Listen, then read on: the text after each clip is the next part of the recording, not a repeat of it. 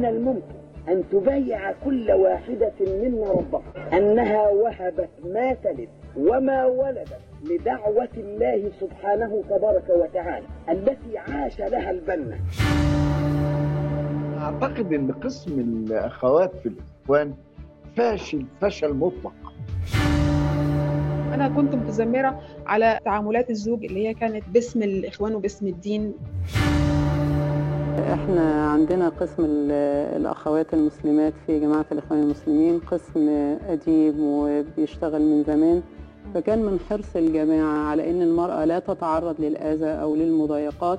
فكان القسم ده يعتبر إلى حد ما غير معلن عنه. مر قسم الأخوات المسلمات بثلاث مراحل منذ تأسيس البنا لجماعة الإخوان المسلمين وعبرت به ثلاث سيدات. الأولى الداعية لبيبة أحمد من العام 1933 إلى 1937 في العام 1942 انتقلت رئاسة قسم الأخوات إلى أمال عشماوي برفقة وكيلة القسم فاطمة عبد الهادي.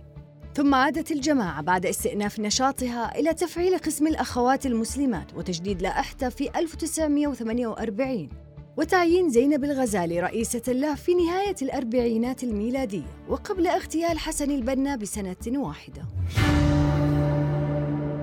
تولى الإشراف على القسم في بداية التسعينات محمد عبد الله الخطيب بمساعدة مجموعة من زوجات قيادات الإخوان وبناتهم مثل وفاء مشهور ابنة المرشد الأسبق مصطفى مشهور ومكارم الديري زوجة القيادي الإخواني إبراهيم شرف. بنكمل في الجزء الثاني من حلقة جماعة الأخوات المسلمات بعض التفاصيل لما جاء في اللائحة الداخلية الخاصة بالأخوات المسلمات واللي كتبت في يوليو 1933 ونشرت في مجلة الإخوان المسلمون بعد ما اعتمدها المركز العام لجماعة الإخوان المسلمين وأصبحت الدليل الإرشادي لقسم الأخوات المسلمات محددة أدوار النساء والغاية من إنشاء الجماعة. ضمن ما أقرته جماعة الإخوان المسلمين في اللائحة الداخلية من واجبات الأخوات المسلمات كان منها المتعلقة بعقلها وهو أن تتأمل فيما تقرأ من نصوص الإسلام وأن تستخلص ما يرد عليها من أصول المعاني وأن تطوف الأخت المسلمة بذهنها في تاريخ المعارك والسياسة ولا سيما ما يتعلق بسير الرجال والنساء ففيه إنشاء الصلات بيننا وبين ماضينا ومجاهدة النفس وإرشاد الخلق. وأكدت على المرأة الإخوانية تطبيع نفسها منذ اللحظة الأولى على المفهوم الصادق. الرجال قوامون على النساء. وأن تدرك أن المساواة بين إنسانية الرجل والمرأة لا تعني ابدا التكافؤ فيما يلقى على كل منهما من أعباء. وأن البيت مملكتها الصغيرة ولها أعدتها فطرتها. لم تغفل اللائحة عن إبراز الدور الأساسي للمرأة الإخوانية بنشر أيديولوجيا الجماعة في محيطها الخاص والأمر بالمعروف والنهي عن المنكر. والتبشير بما جاء به الإسلام من أسس العدالة والمساواة والحرية كما ورد في نص اللائحة فإيش دور الأخوات المسلمات في تكوين الأسر الإخوانية؟ وما هو منهج التربية الروحية في نظام الأسر؟ وكيف تحول دور جماعة الأخوات المسلمات من نشر الدعوة إلى الانخراط في العمل السياسي المحصور في الاعتصامات والمظاهرات وصولاً إلى المشاركة في أعمال العنف ودورها في تهريب أموال الجماعة بعد سقوط حكم الإخوان في مصر. أنا هدى الصالح وهذا برنامج جماعات. يعتبر قسم الأسر أحد أهم الأقسام التابعة لمكتب الإرشاد العام في إطار التربية وتكوين الكوادر، وبحسب ما جاء في اللائحة، لا نرى وسيلة أعمق أثراً لما نريد من تأليف الجماعات الصغيرة التي نسميها أسراً حيناً وأحياناً كتائب، فعلى الأخت المسلمة أن تعمل على تأليف تلك الأسرة. أو تلتحق هي بأسرة مؤلفة فإن الذكر والمدارسة في جماعة أنشط لحوافز النفس وأعون على الإخاء وإحكام روابط المودة. يشرف هذا القسم على أسر الأخوات المسلمات وفصلت اللائحة الداخلية لجماعة الأخوات المسلمات نظام الأسر الروحية لها وتبعا للائحة تتكون الأسرة من خمسة إلى ثمان نساء ويكون الاجتماع مرة في الأسبوع وعلى العضوة تجاوز أربعة مراحل تتضمن اختبارات للانتقال من مرحلة لأخرى تحت إشراف قيادي من جماعة الإخوان ولكل أسرة نقيبة مسؤولة أمام مجلس الإدارة. بنكمل في الجزء الثاني من حلقة جماعة الأخوات المسلمات بعض التفاصيل لما جاء في اللائحة الداخلية الخاصة بالأخوات المسلمات. آه، إيش الكتب اللي كنتوا آه، يعني يتم تلقينكم يعني تدريسكم آه، آه، من خلال الأخوات؟ هو أول كتاب أنا قرأته وكلنا كنا لازم نقرأه آه، كتاب زينب الغزالي أيام من حياتي يعني ده دي ده, ده الأسطورة ده الأسطورة وده كان المدخل. آه، بعد كده لازم نقرأ رسا- كتاب الرسائل لحسن البنا. كل آه، إصدار كل ما كتبه مصطفى مشهور كل ما كتبه سعيد حوا وفتحي يكن ده خارج مصر. ولكن كتبهم كانت دايما بتبقى مهمة جدا خصوصا كتاب زي المتساقطون على طريق الدعوة مثلا لفتحي يكن. حاليا هم آه، بيعيدوا ده. يعني بيعيدوا ده على مواقعهم وعلى صفحاتهم الخاصة. آه، بيعيدوا أقوال هؤلاء القدماء يعني علشان يثبتوا ال- الشباب والناس الموجودة حاليا اللي هم أفراد.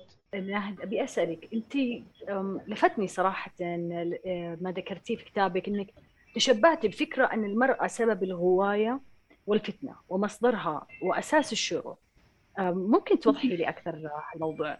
يعني هل السبب اللي يدعو هل هذا هو السبب اللي بيدعو النساء آه، المنخرطات في الجماعات بشكل عام؟ إلى تأييد ودعم الخطاب الراديكالي الموجه لل- ضد المرأة من نفس الجماعة اللي هي منضمة لها. نعم كيف- لأن أنا كيف- وقتها حصل لي غسيل المخ اللي خلاني أتبنى وجهة النظر الذكورية الموجودة في هذه الجماعة. أنا كنت عندي 19 سنة وبلا وعي ويعني كنت خام جدا خام جدا وطالعة من بيئة أصلا محافظة وما عنديش يعني أي وعي يمكنني من نقد الفكرة طيب كيف فارقتي جماعة الإخوان؟ متى في أي سنة؟ آه، سنة 2008 آه، أو 2007 كتبت مقال آه، كان في الوقت ده هو بداية من 2000 كان ابتدى يظهر في في قسم الأخوات الشابات الشابات. كانوا بيتمردوا كانوا بيعبروا عن تذمرهم دايما ورفضهم لوضع الستات جوه الجماعة الرفض ده أنا كنت واحدة من اللي كانوا أنا ما كنتش وقتها من الشابات كنت متزوجة وعندي حاجة و30 سنة ولكن كنت أنا من الناس اللي من الأول متململين يعني فأنا أنا ناصرت الشابات دول وكتبت مقال واتنشر هذا المقال بعنوان كان بعنوان الزواج من ملتزم كارثة. ولاني قريبة من بيوت ال- الإخوان وقعت الكارثة عليكي بعدها. آه. هي أصلا كانت واقعة يعني لأنه أنا كنت متذمرة على يعني تعاملات الزوج اللي هي كانت باسم الإخوان وباسم الدين. فيعني أنا رافضة لكل شيء يعني أنا رافضة لكل ده لأنه ملوش علاقة بالدين. يعني وقتها ابتديت إن أنا خلاص يعني أرفض الوضع ال- المؤلم ده وأتمرد عليه وأكتب كمان فيه. فالمقال ده آه، جاب الأرجاء. يعني وقتها ما كانش فيه آه، social media ولكن ال- ال- الموقع اللي اتنشر فيه كان موقع إسلام اونلاين وكان في وقت أوجه وازدهاره. آه، اتصلوا بيا وقالوا لي إنه كان أعلى قراءات لمدة لأكثر أكثر من شهر كان أعلى قراءة. ودعوني عشان أعمل حوار حي لأن كان في طلب من الناس آه، على مختلف آه، آه، يعني آه، الأقطار عربية وغير عربية. آه، كانوا عايزين الكلام ده. وقتها مم. أنا كان خلاص ده القشة اللي قسمت ظهر البعير بعدها بعت لي دكتور صلاح سلطان آه، إيميل وقال لي كلامك حقيقي بس نناقشه جوه بيتنا ما نناقشوش كده على الملأ وما نناقشوش كده على الإنترنت وليه كده واللي عملتي مشكلة وكذا وكذا. بعدها ابتدى كله ينقلب بقى عليا ودي إزاي جوانا وبتكتب الكلام ده. لا خلاص يعني الدعوة تنفي خبثها ودي من خبث الدعوة. وبعدها حصل الخلاف الشديد مع الزوج وحصل الطلاق وتكاتفوا مع ال- ال- الزوج وقتها إن أنا آه، كمان أفقد كل حقوقي المادية عقوبة لي على اللي أنا عملته ده وطلقت فعلا من غير. ما اخد أي حقوق مادية طب هل كان آه، يعني آه، طلاقك بسبب تركك للجماعة؟ يعني هل هم لعبوا هذا الدور أيضا؟ يعني تقريبا تقريبا لا ساهم بدور كبير ساهم بدور كبير وقرار أنا بس أنا ما بس أنا أنا أنا ما كنتش عاوزة أستمر أصلا كمان مع الزوج لأن هو كان متبني كل الأطروحات آه، والأدبيات الإخوانية تماما تماما أيوة. يعني كان شيء يعني صعب جدا يعني علي طب آه، هل القرار جاء يعني مثلا آه، بلغوكي مثلا جاء من مين من مكتب الإرشاد أو من من جاء في قرار الفصل؟ بيكون لما تكون هي نقيب وصلت إلى درجة يعني عالية يعني وكده. لكن أنا بالنسبة لي ما كنتش وصلت لهذه الدرجة آه، وهم أصلا كانوا كانوا دايما متخوفين مني يعني لأن أنا كنت دايما بعارض يعني يعني بقول رأيي لأ أنا كده عنصر مشاغب. فأنا ما كانوش مستريحين لي أصلا طول الوقت خصوصا بعد الزواج يعني لأنه ابتديت أحتك أكتر بيهم. إيش يطلق على الشخص اللي يعني يترك أو يتم إبعاده عن الجماعة؟ هو هو هو بيتقال خلاص إن هو يعني هو خبث ال- الجماعة خبث. يعني دي حاجة خبيثة والجماعة الحمد لله نفت هذا الخبث وطلع منها. يعني لا خلاص يعني أنت أصلا يعني في من أدبيات الجماعة أنت بيها أنت بالجماعة وبدون الجماعة لا شيء. فهم بي- بيصلوا في يعني في درجة في سمية العلاقة مع الأفراد آه، آه، للتهديد إن أنت لو خرجت ده هيبقى يعني وصم على طول ده وصم ودي وده وصفك بعد ما تخرج من الجماعة أنت بلا قيمة وأنت ما لكش أي فايدة والجماعة تستمر بيك لكن أنت هتبقى ولا حاجة. في البداية قدم المرشد حسن البنا خط جماعته كحركة إحياء إسلامي بإلقاء الدروس والمحاضرات في المساجد وإصدار الرسائل والنشرات. اللي كان هو نفس دور فرق الأخوات المسلمات اللي أنشأها بعد انتقاله إلى القاهرة واعتبرها المركز العام للإخوان المسلمين في أكتوبر 1932 وكان دور الأخوات المسلمات ورئيسة اللجنة لبيبة أحمد في حين مقتصر على نشر الدعوة وتحديداً ما يتعلق بقضية المرأة والمعارك الثقافية اللي كانت في ذلك الوقت بين الخط الديني والآخر الوطني الليبرالي. حول مسائل المساواة بين الجنسين والعمل السياسي والاختلاط والسفور. إلى جانب قضية تربية الأسرة. وحذرت اللائحة الداخلية نساء الإخوان من المثقفات اللاتي يجرين وراء الاشتغال بالسياسة وقالت عنهن أولئك تافهات مقلدات وهن في مجتمعنا كالفقاعات الحائرة الفارغة لا أثر لها. ولو أن كل منهن فقهت رسالتها الخطيرة وامتلأ ذهنها بالحقائق الصادقة لوجدت في محيطها النسوي من الأعمال الجليلة ما يعلي ذكرها. وفي محيط غير المثقفات ملايين نساء الطبقة الشعبية في أشد الحاجة إلى من يرشدهن ويثقف عقولهن وقلوبهن. فعلى الأخت الكريمة أن توليها أكبر قسط من عنايتها. وحبذا لو فقهت المثقفات أن ذلك خير وأنفع وأكرم من تدبير المظاهرات والتزاحم على منصات الخطابة لوعظ الرجال في الوطن والوطنية. من من الأخوات القيادات ال- الأخوات المسلمات اليوم اللي هي تسعى إنها تاخذ شكل أو تاخذ آه، موقع زينب الغزالي. والله ما نجحوش في أن يصنعوا زينب غزالي تاني. أصل اللي صنع زينب الغزالي إنها سجنت في عهد عبد الناصر.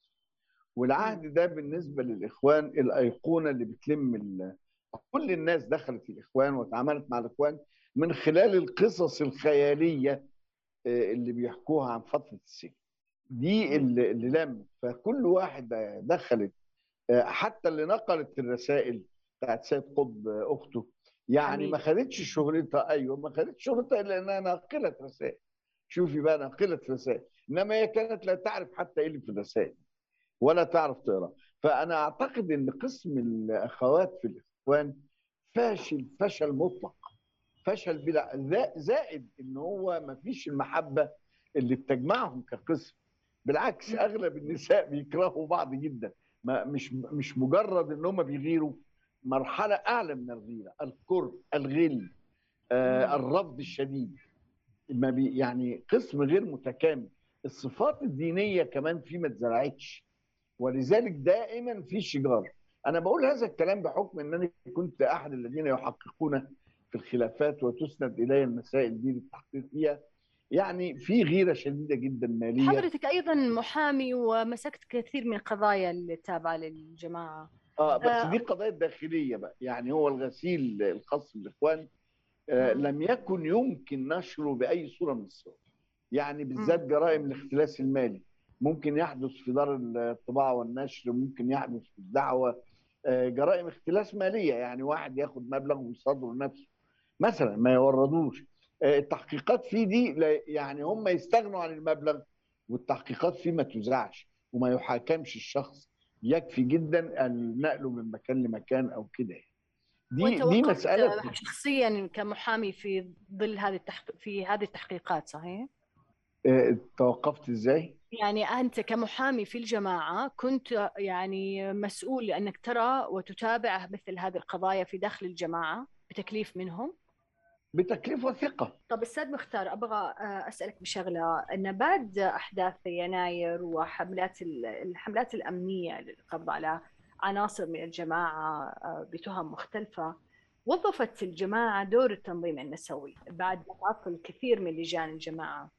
آه، كان كان قسم الأخوات يعقد لقاءات فيها قيادات الأخوات وضع استراتيجية لإدارة الأزمة. إيش تذكر لي بهذا الخصوص؟ والله هو نقص الدراسة وإدارة الأزمة وسط الثقافة السياسية لدى آه، عموم الإخوان بقى مش النساء بس. آه، خلاهم يظنوا أن ممكن التعامل السياسي الأمني آه، ما هو التعامل الأمني نوعين ضبط القضايا ونوع سياسي في التعامل قانون الإجراءات وما شابه ذلك بيستخدموا استخدام سياسي. ظنوا أن التعامل السياسي تجاه المرأة هيظل كما هو. ولذلك كانوا قالوا بقى نعتمد على المرأة. المرأة كانت بتجتمع أو الفتيات كانوا كنا يجتمعن و... و... وعندهن ظن خطير جدا بأن هم في أمان شديد. لأن كان الاجتماع كده زمان من 30 سنة أيام حكم الرئيس مبارك كان الاجتماع مؤمن بل الأمن كان بيحرسه بالنسبة للنساء بالذات. ويا سلام على قدسية المرأة في داخل الامتحان وفي داخل الجامعة وفي جامعة الأزهر. كان ليها قدسية وتعامل باحترام شديد آه احتراما للنقاب وقدسيته. وبالتالي ما كانش في حاجة اسمها المداهمة ولا المراقبة ولا الضبط والتفتيش. الحاجات دي كلها كانت غير موجودة. فظنوا أن ذلك الأمر الإخوان ظنوا أن ذلك الأمر قد يستمر. ومن هنا بنوا كل حساباتهم الاستراتيجية على استخدام المرأة للتخفي في المعارك حسب النظريات اللي كانوا بيعلنوها. وبالتالي الاستغلال خد شكل خطير جدا. استغلال في نقل متفجرات استغلال في نقل رسائل استغلال في نقل تمويل. طبعا البعض قد يصف هذه الأمور بالمبالغة. لكن لو قرأ القضايا الإخوانية اللي ظهرت بالذات بعد يناير القضايا الإخوانية تجد أن المرأة ساهمت فيها بدور إجرامي خطير جدا بس مستغلة وليست مستغلة. يعني مستغلة حينما تلقي بزيت على كوبري مستغلة حينما تضع عبوة متفجرات عند عمود كهرباء مستغلة حينما تنقل رسائل من تركيا إلى مصر وتشارك في قتل شخصيات سياسية. هو دور المرأة كان كده مستغل دائما. ليش ليش تعتبرها مستغلة يا أستاذ مختار؟ يعني هي إنسانة راشدة عاقلة فهي لما تأخذ متفجرات هي تعرف إيش راح تسوي غير. أغلب النساء اللي سمعنا عنهم مرضى نفسيين أغلبهم حتى اللي ظهروا حتى المنقبة اللي قعدت تقول مش عارف منك لله فلان وكده برضه دي مريضة نفسية. حضرتك يعني المرأة اسمح لي أستاذ مختار أنا يمكن أختلف معك هنا.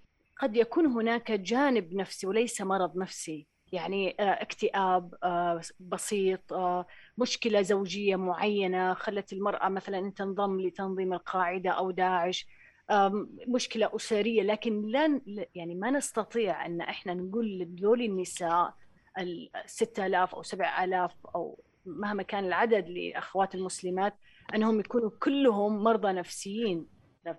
يكون عنده إشكالية بالشخصية لكن مرض عشان يفقد الإنسان إدراكه العقلي. لا لا عشان أوضح لحضرتك النقطة دي. في أمراض نفسية تجعل الإنسان مسؤول عن أفعاله. يعني كتير جدا من اللي بيدفعوا بانعدام الإرادة لوجود المرض النفسي قدام القاضي الجنائي بيحولوا على الطب الشرعي. لأن الطب الشرعي أو الطب النفسي قسمين. قسم بيجعل الإنسان غير مسؤول عن الفعل عن الإرادة. ده القسم ده مش اللي أنا أقصده طبعا. أنا أقصد القسم اللي يكون فيه الإنسان مسؤول فيه عن أفعاله ولكنه يعاني من مرض نفسي. يعني هذا المرض النفسي أنا هدي لحضرتك مثال بسيط. أحد الضباط الكبار اللي تم اغتياله في منطقة حلمزه زوجة أحد المتهمين كانت عارفة سامعاه في التليفون وهو بيتكلم وهو بيتفق. طبعا الناس مش هتصدق إن الإخوان هم اللي قتلوا هذا الضابط الجميل ولا ولا هيتصور ابدا. فهي لو كانت حتى بلغت الإخوان بلاش ده. هي ما كانتش متصورة. لكن اصيبت بصدمة مدة من الزمن إلى أن قامت المباحث بسؤالها هي شخصيا فاستطعت إنها تكذب بإتقان بتقول لي أنا لقيت نفسي بكذب بإتقان يعني بتتقن الكذب مع إنها عاشت أيام رعب وتأنيب ضمير واعتبرت نفسها مسؤولة عن قتل هذا الضابط. الضابط ده طبعا ضابط معروف في منطقة حلم الزيتون اتضرب وهو معدي من هذه المنطقة. والإخوان اللي ضربوا تحديدا تنظيم الإخوان لا داعش ولا رايات بيت المقدس ولا حاجة وبالتالي هذه المرأة حتى الآن تعاني من الاكتئاب وتأنيب الضمير واعتزلت الناس. وتخشى أن تطلب الطلاق يعني الآن بتمر بحالة المرض النفسي الجسيم الذي لا تستطيع فيه الإدراك ده نتيجة هل وجه لها. تهم؟ يعني هل نعم لم يوجه لها تهم هي كذبت بإتقان كما أخبرتني إنما وجه طبعا لزوجها والمجموعات اللي معاه وخدوا عقوبات تتراوح بين الخمسة وبين الاعدام لكن في النهاية هي هتعيش بهذا المرض النفسي الابد هل هي كانت خايفة بقى من زوجها؟ كانت آه خايفة يتقال عليها جاسوس؟ خدي بال حضرتك المجتمع الإخواني بيظلل المراه بكلمة البطولة. بتعيش هذه الحالة من البطولة. وده برضه مرض نفسي لكن آه يعني يجعل هناك مسؤولية عن الفهم. دور المرأة في جماعة الإخوان دخل أطوارا أخرى بتحول جماعة الإخوان المسلمين إلى حزب سياسي ودعوة سياسية. واللي دشن البنا في العدد الأول من مجلة النذير مايو 1938 وكتب في افتتاحية المجلة قائلاً سننتقل من خير الدعوة العامة إلى خير الدعوة الخاصة ودعوة الكلام المصحوب بالنضال والأعمال وسنتوجه بدعوتنا إلى المسؤولين من قادة البلد وزعمائه ووزرائه وحكامه وشيوخه ونوابه وأحزابه. وسندعوهم إلى مناهجنا ونضع بين أيديهم برنامجنا وسنطالبهم أن يسيروا عليه. وأضاف البنا إلى الآن يا إخوان لم تخاصموا حزبا ولا هيئة كما أنكم لم تنضموا إليهم. وأما في هذه الخطوة الجديدة فلن يكون كذلك. ستخاصمون هؤلاء جميعا في الحكم وخارجه خصومة شديدة. وحتى نلقي الضوء أكثر على دور الأخوات المسلمات في هذا الجانب خلونا نسمع مع بعض جزء من المقابلة على قناة الحياة المصرية. مع الجرف عضو في المؤتمر العام لحزب الحرية والعدالة التابع لجماعة الإخوان والدكتورة منال أبو الحسن أمينة المرأة في القاهرة بحزب الحرية والعدالة. آه، إحنا عندنا قسم الأخوات المسلمات في جماعة الإخوان المسلمين قسم أديب وبيشتغل من زمان لكن إحنا كان في العهد السابق كان عندنا مشكلة مع النظام. النظام كان دايما حاطط الإخوان الفزاعة الداخلية والفزاعة الخارجية فكان من حرص الجماعة على أن المرأة لا تتعرض للأذى أو للمضايقات.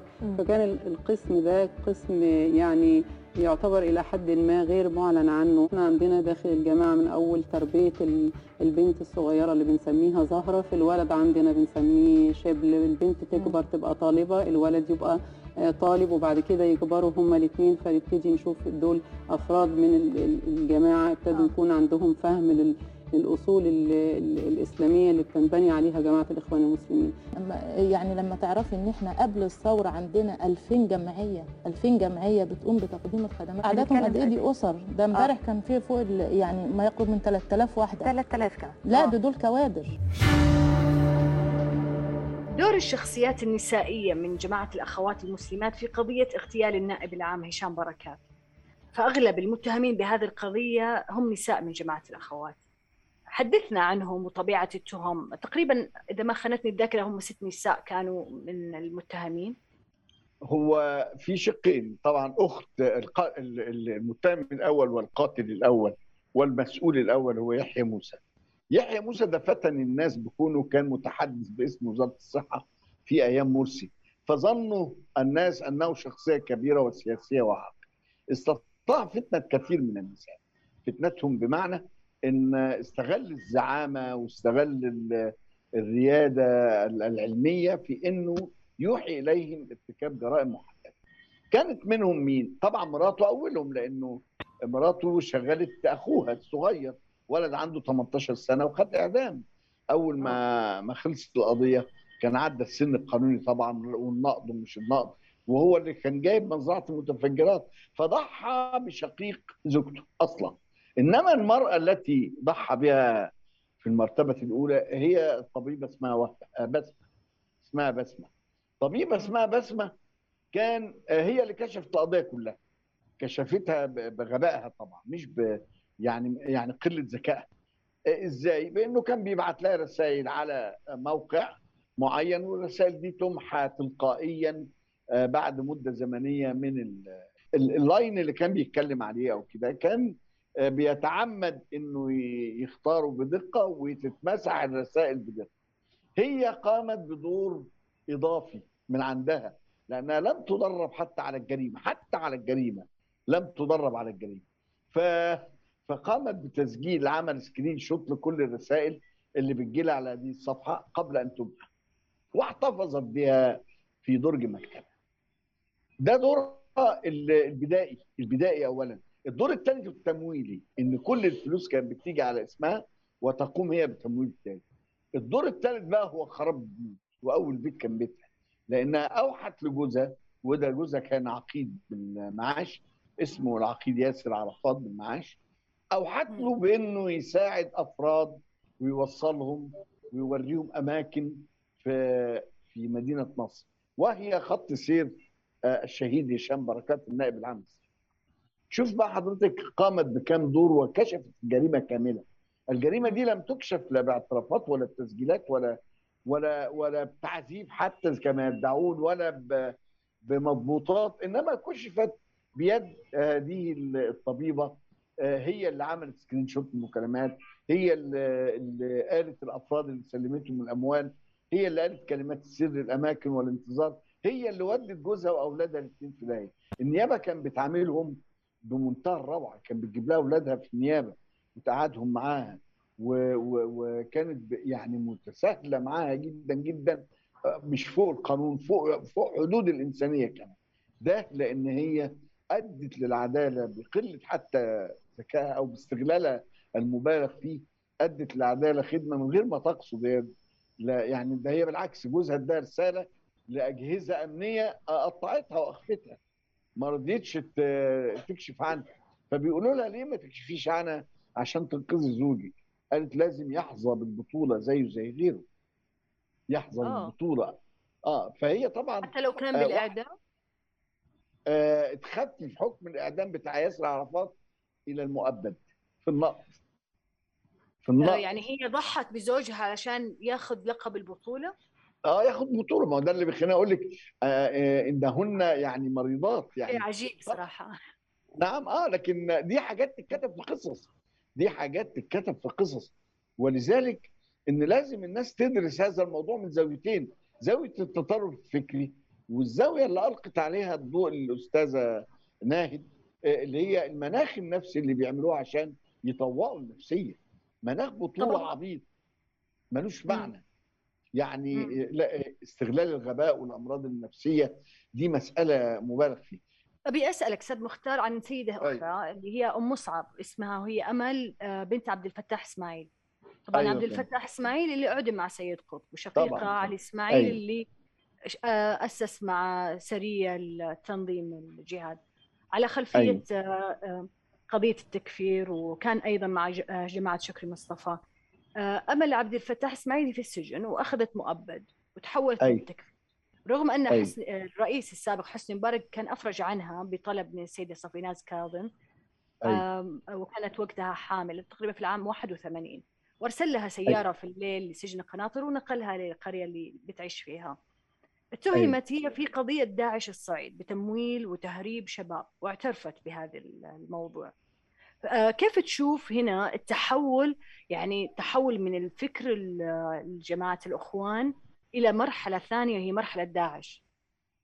هو ابتداء فكر الإخوان اللي دارسينه كفكر آه، هو يؤدي إلى داعش. زي مم. طريق يؤدي إلى طريق. فيقينا كل العربيات اللي بتدخل في أول هذا الطريق بتصل إلى الطريق الثاني اللي هو فكر داعش. وأغلب التكوينات بتاع داعش وجبهة النصرة وكل عناصر التكفيرية دي كانوا كانوا إخوان. أيمن الظاهري نفسه كان إخوان. أيمن الظاهري نفسه كان إخوان. آه إنما بس آه ل- لعبد الفتاح اسماعيل. آه أمل. آه في في جزء انتقامي معلش أنا دايما بميل للأثر النفسي. ما هو لازم العلماء يدرسوا الكلام ده. جزء انتقامي في تحركاتها. جزء انتقامي ما لا فكري ولا أي حاجة. ما عندهاش هذا البعد. هي محرومة من هذا البعد. ولو آه، شاءت الاقدار واستضفتها في يوم لن تجديها تحمل هذا الفكر اطلاقا يعني. ليه بقى؟ لأن الحقيقة إن هي عندها شعور آه، تجاه الجيش والعسكر والمحاكم العسكرية وال- والثورة المصرية في 52 عندها شعور بإن دول ظلموا وقتلوا والدها يعني. فأنا بقول لحضرتك إن البعد العلمي ده مش موجود قوي هو مش بالضرورة أنه يكون مفكر في الجماعة. ما في شباب صغار انضموا لقاعدة وداعش. يدوب يعرف له كم حديث أو يحفظ له آه، مثلا المعوذات الثلاث فقط. آه، لكن يحمل الأيديولوجيا نفسها فكرة الجاهلية وفكرة تحكيم الشريعة الإسلامية. مجرد يعني رموز صغيرة عناوين قصيرة كفيلة أن تجند وينضم للجماعة وي ما هو يعني ده اللي أنا بقصده تماما لحضرتك. ده اللي أنا أقصده تماما لحضرتك. إن القضية مش قضية فكر عميق ولا حاجة إنما قضية بتبقى حالات نفسية بيجد ضلته في هذه المبادئ. أستاذ أبغى أسألك عن عايشة خيرة الشاطر. إيش أيوة. وضعها وش التهم اللي موجهة لها؟ وإيش كان دورها؟ ما قضية التمويل. المرشد.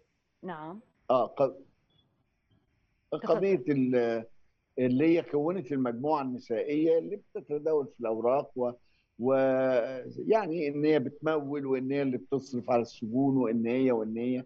وفي بعض الأشياء طبعا آه، تداولتها. وأعتقد إن القضايا التمويل واستغلال النساء ظهرت أكثر في حديث محمود عزت عند القبض عليه. دي مسائل كانت غامضة نتيجة إن برضو التقاليد المصرية كان ليها تأثير كبير جدا. في تحجيم رجال الضبط القضائي في المتابعة والمراقبة وأشياء من هذا القبيل طب لكن... زوجة.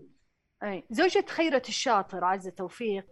آه كمان اتهمت على خلفية علاقتها بقيادات التنظيم في الخارج وأيضا أنها عقدت اجتماعات مع نساء آه عربيات آه, آه، في منزل فلسطينيات وسوريات وكان إنها آه، لتدريب فتيات الإخوان والاستفادة من آه، كتائب القسام. هل هذا آه، ثبت يعني في والله أنا اختلطت بزوجات المتهمين في قضية سلسبيل.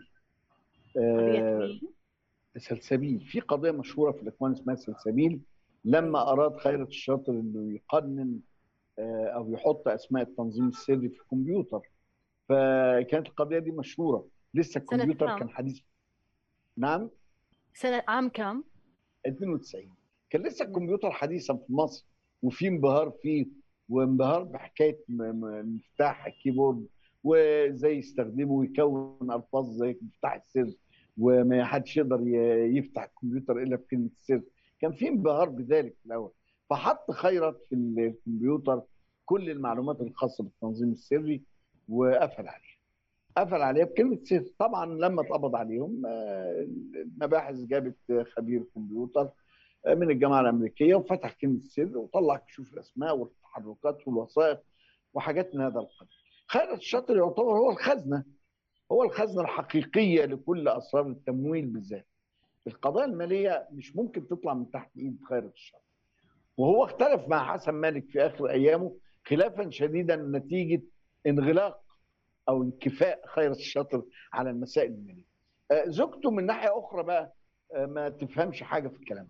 ولا ليها تفكير ولا ليها مبدأ ولا لي مش مبدأ آه، ثابت يعني. ولا ليها منهج ولا ليها ده اللي أنا أقصده ولا ليها منهج ولا ليها حاجة. طبعا أبسط من النساء العاديات جدا يعني. ما ما تحملش أي فكر يعني. بل بالعكس هي قضت حياتها بين المرض وما بين السعي وراء خيرت في كل محافل. وما كان خيرت ليسمح لزوجته بأن تمارس عمل سياسي. وبالتالي لما جت بقى تحب إنها تتحرك باسم الإخوان لم تكن موفقة. آه، أنا ما بقولش لم تكن موفقة لأن برضه حتى المجرم لازم يكون عنده قدر من قدر من الذكاء. هي ما كانش عندها برضه هذا القدر وبرضه تصرفت بعفوية أدت إلى المساهمة في كشف كثير من روافد التنظيم المالي. ومجموعة الفتيات اللي اتاخدوا كانوا بيروحوا انبهارا باسم خيرت الشاطر اللي أصبح حديث المدينة بعد القبض عليه. طب أعطيني تفصيل في بخصوص الدور هذا اللي هي سوته يعني آه تجميع الفتيات وإيش المسألة المالية يعني آه، كمعلومات. كنت حكيت لحضرتك من شوية إن في آه، قضية مالية اتعملت للسيد أغلبهن آه، يعني من الذين كشفنا انفسهم يعني ما حدش تعب في إنه يعرف يعني زي ما أنا أديتك أمثلة إن. في واحدة في السجن وبتشتري بيت جوزها مقبوض عليه وهي أيوة. ما بتشتغلش تشتري بيت وتجدد عربية وتجدد عربية. كأنها تقول للناس انظروني أنا. المسؤوله المالية ولما. تدخل تجيب هدايا بحوالي 40000 جنيه مثلا أو 20000 جنيه توزعهم على العاملات في السجن أو ما شابه ذلك الوقت ده كان بيسمح بهذا ويمكن كان بيسمح عشان يكشف يمكن أنا ما أعرفش. لكن آه، آه، الموبايلات آه، آخر موديل والطريقة وال- والحديث. يعني أنا أعتقد إن المسائل كلها بدأت تظهر مع الوقت. إن إن النساء بيستغلن أو يتم استغلال استغلالهن في في مسائل ال- المال بالذات يعني. أو تقدري تقولي إن تكونت المجموعة نتيجة وجود بعض الزوجات المعروفات واللائي كن مرشحات لمقاعد مجلس الشعب. آه، اللي دول خضعوا خضعنا بكلمة بطلة وكلمة آه، مجاهدة وكلمة مش عارف إيه فتجمعنا على أساس أداء الخدمة للتنظيم في ذلك الوقت. فكانت الخدمة الممكنة هي الخدمة المالية. الخدمة المالية دي بتيجي الفلوس جاهزة من هنا ومن هنا وأنا أعتقد إن في ناس كتير آه، الدولة كانت عارفة إن هم مصدر مصادر التمويل وغسيل الأموال لكن سابتهم علشان تكشف من حولها وبالتالي آه، بدأنا نساب في تلقي بعض الأموال على إن هي جاية لها حساب قطري. يعني حساب من قطر حساب من تركيا حساب من لندن حساب مم. من آه، ألمانيا. جاي لها آه، 15000 يورو مثلا. مبلغ بسيط. إنما هو جاي لها عشان التحويلات ال- عشان المعابئ يعني اعباء المعيشة. ثم بعد ذلك يتضح إن المبلغ اللي جه ده رغم إن هو 10000 دولار مثلا من قطر جه على البنك القطري أو مشاكل ذلك إلا انه استخدم استخدام آه، آخر. مش معيشة ولا ولا تفك في مصرف ولا حاجة. طب أبغى يعني. أستاذ أبغى أستاذ مختار نسمع مقطع. هدى عبد المنعم محامية بالنقد والمتحدثة الرسمية باسم التحالف الثوري لنساء مصر. التحالف الثوري لنساء مصر يتكون من عشر حركات نسائية آه، بمختلف أطياف آه، ومراحل عمرية من أول عشر سنوات من أول فتيات سبعة الصبح آه، نساء ضد الانقلاب رابطة أسر المعتقلين أساتذة جامعة ضد الانقلاب حرائر الصعيد حرائر الأزهر. آه، يشرفني أني أقول كلمة التحالف الثوري. واليوم وبعد مرور أربع سنوات كاملة على تلك الثورة البيضاء فلم يعد من المقبول الآن الخ- الخضوع للصوص الثورة وسارقي حلم الأوطان. ومن ثم وانطلاقا من تلك المرجعية يؤكد التحالف الثوري لنساء مصر أنه هنا يمد يده بكل ارتياح وإخلاص لكل الشرفاء من هذا الوطن.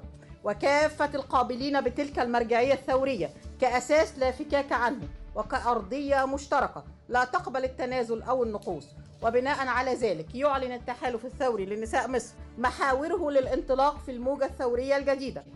القصاص من كل يد مارست فعلا إجراميا بحق هذا الشعب الكريم. قبول كل من أفاق من غفلته وتبين وجه الحقيقة فيما يجري. طيب أستاذ مختار آه، أيوه. إيش حكاية التحالف الثوري هذا؟ وإيش طبيعة دور آه، هدى عبد المنعم؟ أنا أعتقد إن حضرتك. قصدتي إن حضرتك تجيبي لي آه، ذكاء من حضرتك يعني جبت لي هدى عبد المنعم بالذات. كأنك تعلمين أني أعرفها شخصيا لا ليها في تحالف ثوري ولا ليها في ثورة ولا ليها في حاجة ولا عندها معلومات تسمح بإن هي تكون تحالف. دي كلها أسماء وهمية كانت بتستخدم علشان الإيحاء بإن في تحالف ثوري يمد يده والتعبيرات الكبيرة اللي بتتقال. آه، هدى عبد المنعم أصلا ما ما يعني ما كانتش حتى صالحة لأنها تدير آه، محل بقاله. ليه؟ لأنها لم تمارس المحاماه ولأنها أيضا كانت أكثر تعودا على البيت آه، لأنها في مشاكل طبعا آه، كثيرة خاصة بها فغير صالحة وغير قادرة على أن تدير لا تحالف ثوري ولا تحالف مش ثوري ولا تحالف يعني من من البيوت حتى فأنا بقول لحضرتك إن هذه من البيانات اللي بيسمى آه، الشمروخية اللي هي الشماريخ اللي بيطلقوها في في الملاعب عشان تعمل ضوء وانبهار بينما هي ألعاب ليست ناريه بالمرة ألعاب بسيطة يعني ممكن أي طفل يحملها ويلعب بيها. هي نفس لكن ما الحكاية ما. نقدر نقلل من دور التحريض آه، آه، في مثل هذه الخطابات لا التحريض ثابت يا فندم. التحريض ثابت لا يحتاج إلى دليل ولا يحتاج إلى حتى بيان ثوري. التحريض ثابت التحريض بال- بالفلوس اللي هي المساهمة أعمال المساهمة بالمعنى القانوني. التحريض والمساهمة والتمويل والإرشاد والتفكير وال- والتخطيط كل الحاجات دي كلها آه، ثابتة مش محتاجة جهد في اثباتها لأن هي علني ويفتخرون بها إنما هي هي هي في السجن هي حاليا صحيح؟ هي في السجن آه. هي في السجن؟ وفي وفي قضية التمويل قضية إيش؟ كنت بتقول لها التمويل اسم. أيوه التمويل اللي حضرتك أشرت إليها بتاعت عائشه والمجموعة اللي معاها يعني امم فأنا بس الرقم الرقم لا يحضرني الآن. طب ف... فإذا إذا حضرتك أنا بقول لحضرتك يعني آدي هدى عبد المنعم. هي التي كشفت نفسها بنفسها وفي حد يعمل حاجة اسمها آه، تحالف آه، علشان التطهير والانتقام من هو في حد يعمل كده. يعني هو في حد يقول كده. زي محمد ناصر لما قال في الجزيرة مثلا آه، اقتلوهم كل مرات ضابط وبعدين يجي يقول لك لما يدخل في قائمة الارهاب يقول لك وأنا عملت إيه؟ بقول طبيعي لأن إذا أخذناها في في إطارها أو في وقتها وفي زمانها اللحظة كانوا يشعروا بالغرور أنهم بالفعل قادرين وأن في هناك آه، مخططات آه، يعني عنفية قادرين على إقامتها قادرين على إعادة ال- الأمور إلى نصابها. فما نقدر نقيس إحنا الحالة اللي كانوا فيها بهذا الوقت. حتى اللي من ينضم إلى التنظيمات القاعدة وداعش مثلا لما يتم القبض عليه حتى من النساء يتم القبض عليه آه، وقتها هو يشعر بخضة نفسية فيقول لك أنا أساسا ما أعرف كيف آمنت بهذه الفكرة بالظبط. فعشان نختم هذه النقطة بس بسؤال من هي مرشدة جماعة الأخوات المسلمات اليوم؟ من كانت؟ هو شوف حضرتك حضرتك ال- الأخوات لا لا لم يتم الوثوق بهم ابدا ابدا في أن يكون قائدات ابدا. في الإخوان ده في عرف الإخوان ولائحة الإخوان وتقاليد الإخوان والكلام الجانبي السري بين الإخوان. هم لكن في وسط النساء في في وسط جماعة الأخوات المسلمات من هي؟ لا يطقن لا يطقن أن يكن لهن قائدة منهم. ابدا منهن لا يمكن ولا يسمحن بذلك. لا يمكن. وأي يعني مثل مثل نظرية إنه المرأة ما تحب أن تكون مديرتها مرأة. لا يمكن. أنا بقول لحضرتك الإخوان لا يمكن. المسؤولات عن الشعبة لازم يكون معاهم رجل. المسؤولات عن الش- الشعبة دي اللي هي الحاجة الصغيرة الحي الصغير لازم يكون معهن رجل. لازم. لكن ما يدوش المسؤولية ده. والمرأة لا تحب المرأة. يعني أي أسرة في حاجة اسمها في التكوين الصغير في الإخوان الأسرة. الأسرة دي اللي هي من ثلاثة لخمسة وستة لازم يكون في اسره لهم نقيبة. آه، بس في في بين الرجال نقيب والنقيب ده اللي بيسمعوا كلامه وبياخدوا منه التوصيلات السلكية ولا السلكية. يعني هو يقول لهم القيادة بتقول هتدرسوا كتاب كذا النهارده هتعملوا كذا هنحفظ 10 آيات كده يعني. الأسر الخاصة بالنساء لا تتحمل لا يتحمل بعضهم البعض ابدا. ابدا مستحيل. فلازم يجيبوا لهم واحد قيل أن هدى عبد المنعم آه، يعني أخذ موقع ال- مرشدة الأخوات المسلمات. لا طب ما هو اللي ظهرت مع المذيع المعروف آه، آه، فلان الفلاني اللي قالت له أنا قائدة نساء أم أيمن أنا قائدة نساء المسلمات على مستوى العالم. لا أنا ليا دور تاني أقوى وأخطر. بقول لك عليه إن شاء الله. وهو إن شاء الله. وهو. أنا قائدة السيدات المسلمات في مصر كلها وفي الدول العربية مصر. كلها؟ أنا رمز لدعوتي ولفكرتي أثمر عن نشاط قسم الأخوات منذ تأسيسه شبكة عميقة وقوية للأخوات استفادت منها الجماعة وقت صدامها مع النظام حيث تمكنت نساء الإخوان من التحرك بحرية أكبر في جمع المال والتبرعات والإنفاق على أسر المعتقلين أو الهاربين واستطاعت الجماعة أن توظف الأخوات المسلمات في العمل الميداني والمسلح تحت الغطاء الدعوي. بدأ هذا خلال ما وصف بمحنة الجماعة في 1954 و 1965 على خلفية صدامها مع نظام عبد الناصر. في أغسطس 2011 وافقت الجماعة على إقامة أول معسكر مفتوح للأخوات المسلمات على مستوى القاهرة والجيزة والبحيرة والإسكندرية. استجابة لمطالب نساء الإخوان بإعطائهن الحق في إقامة معسكرات تربوية مفتوحة ومغلقة على مستوى المناطق والقطاعات وحقهن في تنظيمها وإدارتها. واللي برز من خلالها دور المرأة الإخوانية في التحريض وممارسة العنف خلال اعتصامي رابعة والنهضة في 2013 وما ترتب عليه لاحقا من تبعات. أبغى أنتقل للأستاذة ناهد. أحب فقط أن أعقب على موضوع نشاط النساء حاليا. المرأة في جماعة الإخوان أو قسم الأخوات كان ولا زال هو دينامو الجماعة. دينامو الجماعة بمعنى أنه يعني المرأة لا تتوقف وتعمل وبإخلاص.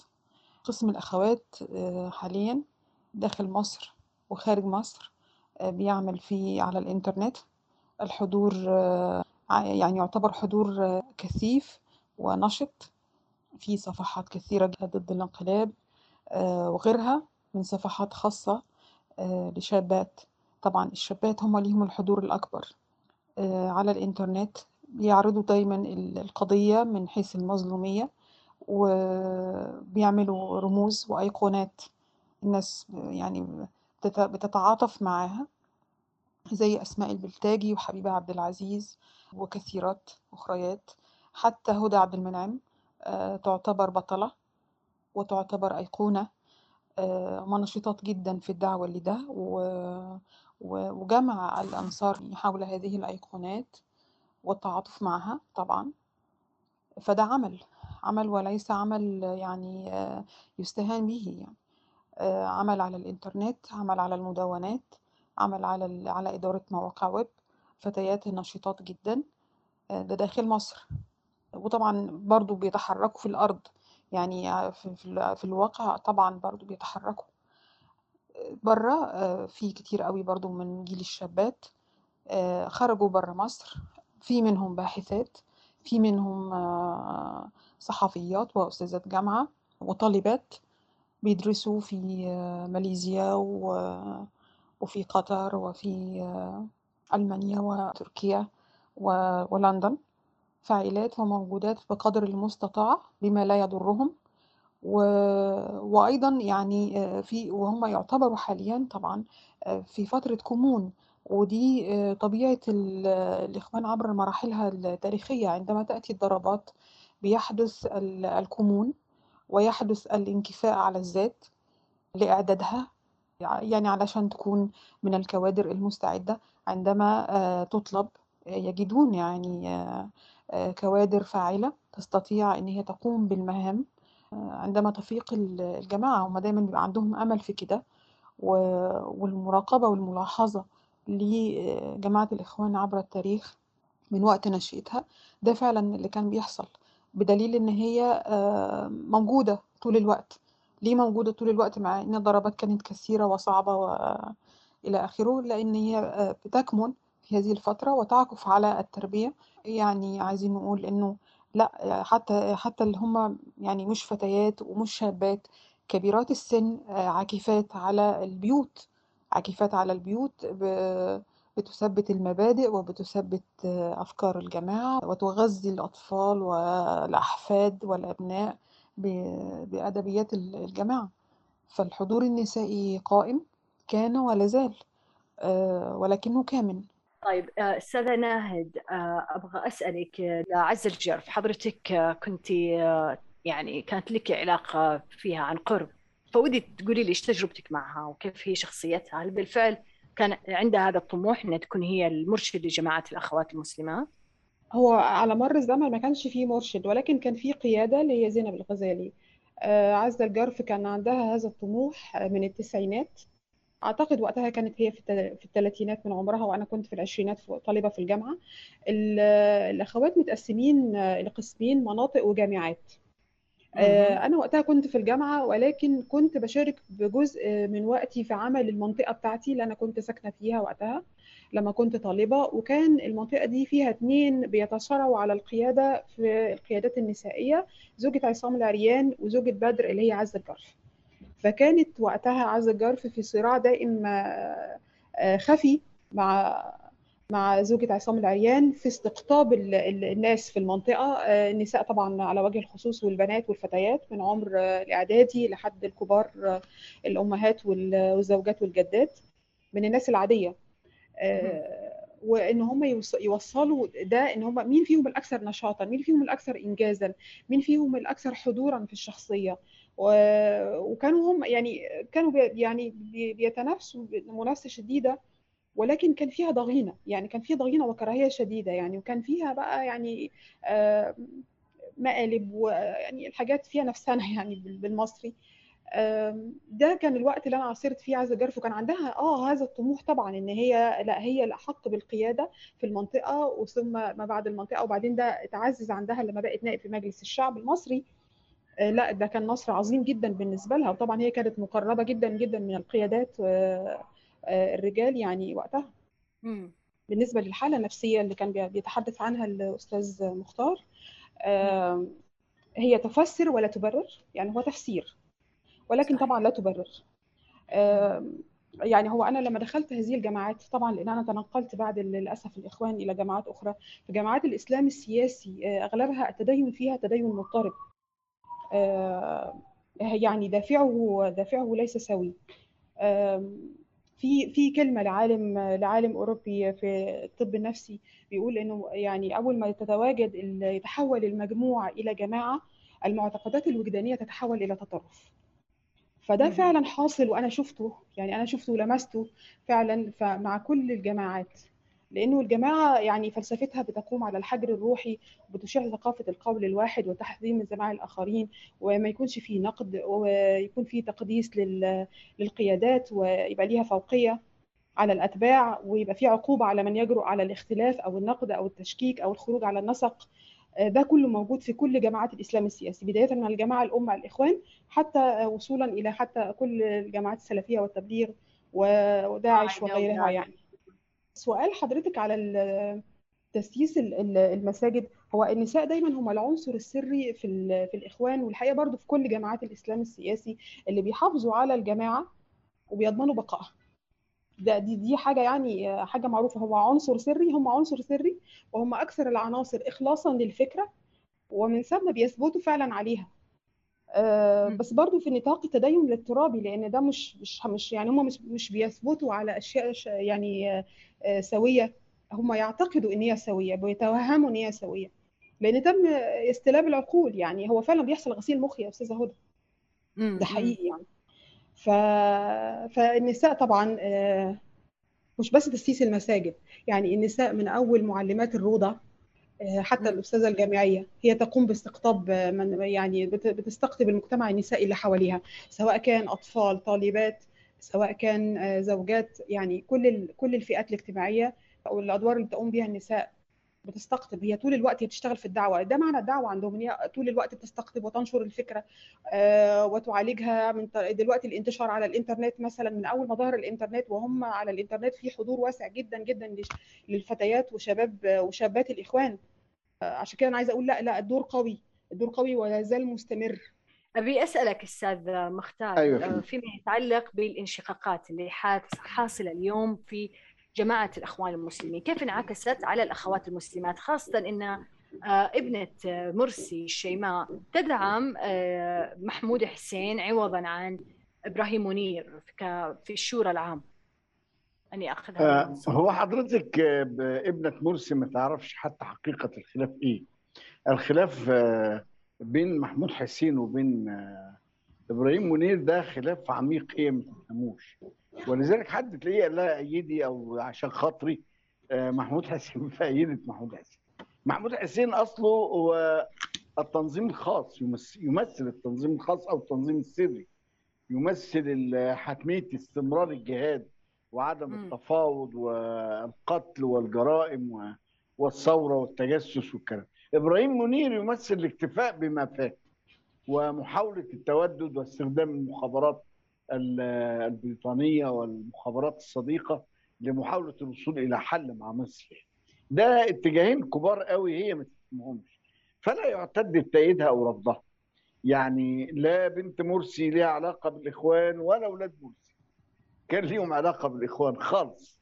ولا حتى كانوا يعني بيهتموا بهذه الأخبار من قبل أن يظهر أبوهم فجأة كده على الساحة بأن هو رئيس جمهورية. هو نفسه ما كانش يعرف.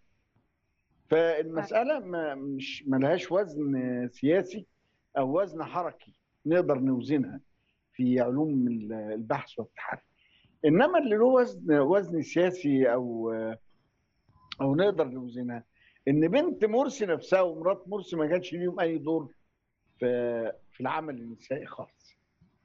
والكلام اللي قالته الأستاذة ناهد طبعا وده كان صحيح الصراع بين ال- ال- البنات و- و- والنساء في إن هم مين اللي يبقى ده في ظل مناخ حلو كده بتاع الثورة وما بعد الثورة. ده كان يعني ظهر قوي على الساحة لأن كانت غنيمة وتورتايه ومين ياخد أكتر. مين تبقى زعيمة حركات نسائية زي ما قالت أم أيمن مع توني خليفة ما زعيمة الحركات النسائية في العالم الإسلامية في العالم. طبعا ده أوهام من ضمن الأوهام. إنما إنما الأوهام دي كانت بتحركهم فعلا. كان بتحركهم هم بيجتمعنا وهم بي بيحاول يعني يحاولن إن يقررن الظهور بمظهر.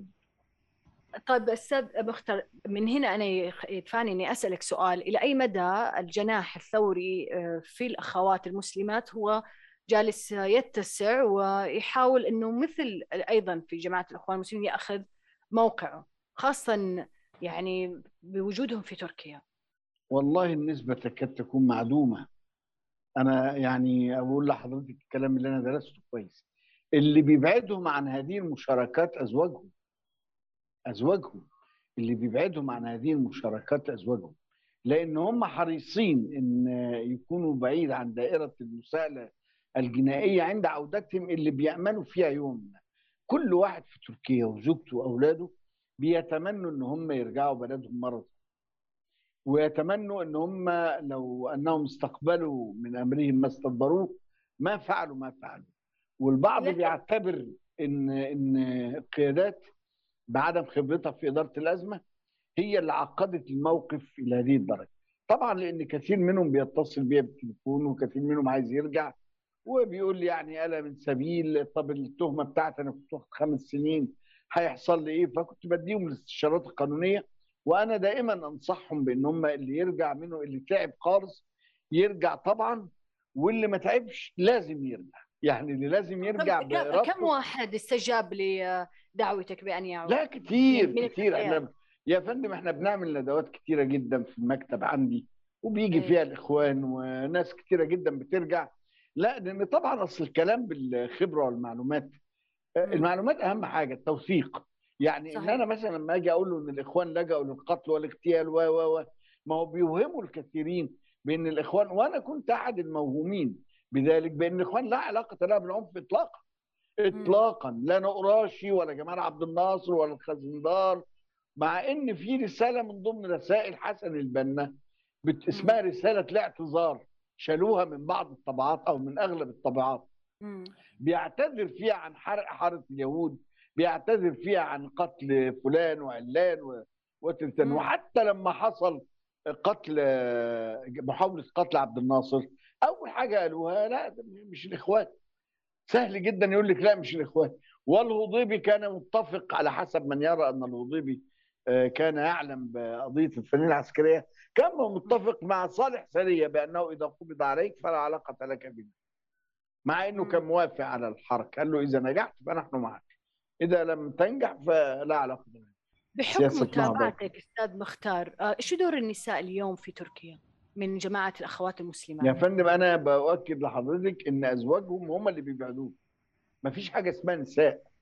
يعزموا بعض على الغداء بس في في في صفحات يعني تابعة لسيدات بيكتبوا منشورات وبيكتبوا هتلاقي يعني. اللي بيكتبها رجال. اللي بيكتبها رجال. ما فيش يعني أنا بقول لحضرتك ما فيش. لأن حتى لو حركة ما حركة غير فعالة بالمرة. الحركة هناك للرجال ومع ذلك انكشفت واحدة واحدة فالتنظيمات السرية بتعمل تنظيم موازي. يعني دايما يبقى في أسرة وأسرة موازية. دايما في شعبة وشعبة موازية. ومسؤول شعبة وهكذا. آه الكلام ده كشفوا قضية الإخوان آه عن التنظيم السري.